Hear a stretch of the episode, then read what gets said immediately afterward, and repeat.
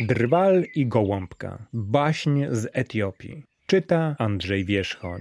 Baśń dedykuje swojemu synkowi Gabrielowi. Żył w lesie młody drwal. Pewnego dnia, gdy szedł do pracy, siadła na drzewie gołąbka i ludzkim głosem przemówiła. Powiedz mi, powiedz, powiedz prawdę, proszę. Jeśli wam, ludziom, wyświadczy się dobro, czy nie odpłacacie złem?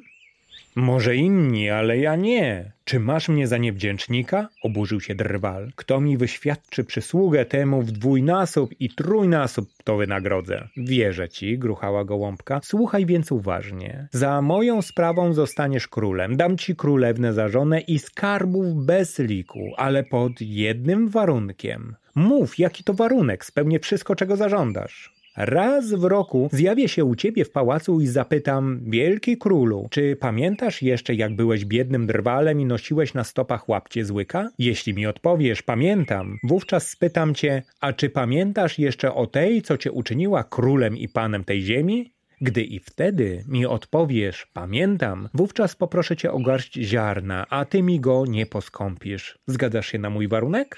Gdybym miał żyć sto lat i ty przez sto lat przylatywałabyś do mnie z tym pytaniem, zawsze bym ci odpowiedział pamiętam. Jakże mógłbym zapomnieć o swojej dobrodziejce? Gru gru, zatem zgoda, umowa zawarta.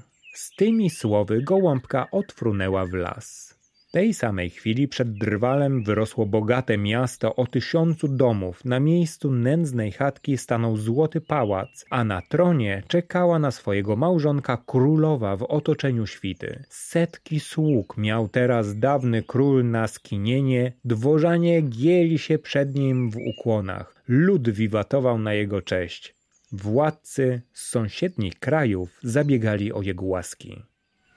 Minęło wiele lat. Pewnego dnia król wyprawił wielką ucztę i sprosił na nią gości ze wszystkich stron świata. Przybyło na ucztę dwunastu władców z południa, północy, wschodu i zachodu. Cała stolica zaroiła się od świetnych wojowników, możnych książąt i ich licznych orszaków. Na dziedzińcu pałacowym miały się odbyć zawody wojowników. Na dwunastu torach zajęli miejsca zaproszeni władcy sąsiednich krajów. Pośrodku na podwyższeniu zasiadł dawny drwal ze swoją królewską małżonką. Miał koronę na głowie, złoty pancerz błyszczał mu na piersi, w dłoni dzierżył dumnie berło nabite diamentami. Wierna świta ze skrzyżowanymi mieczami stanęła po bokach jego tronu.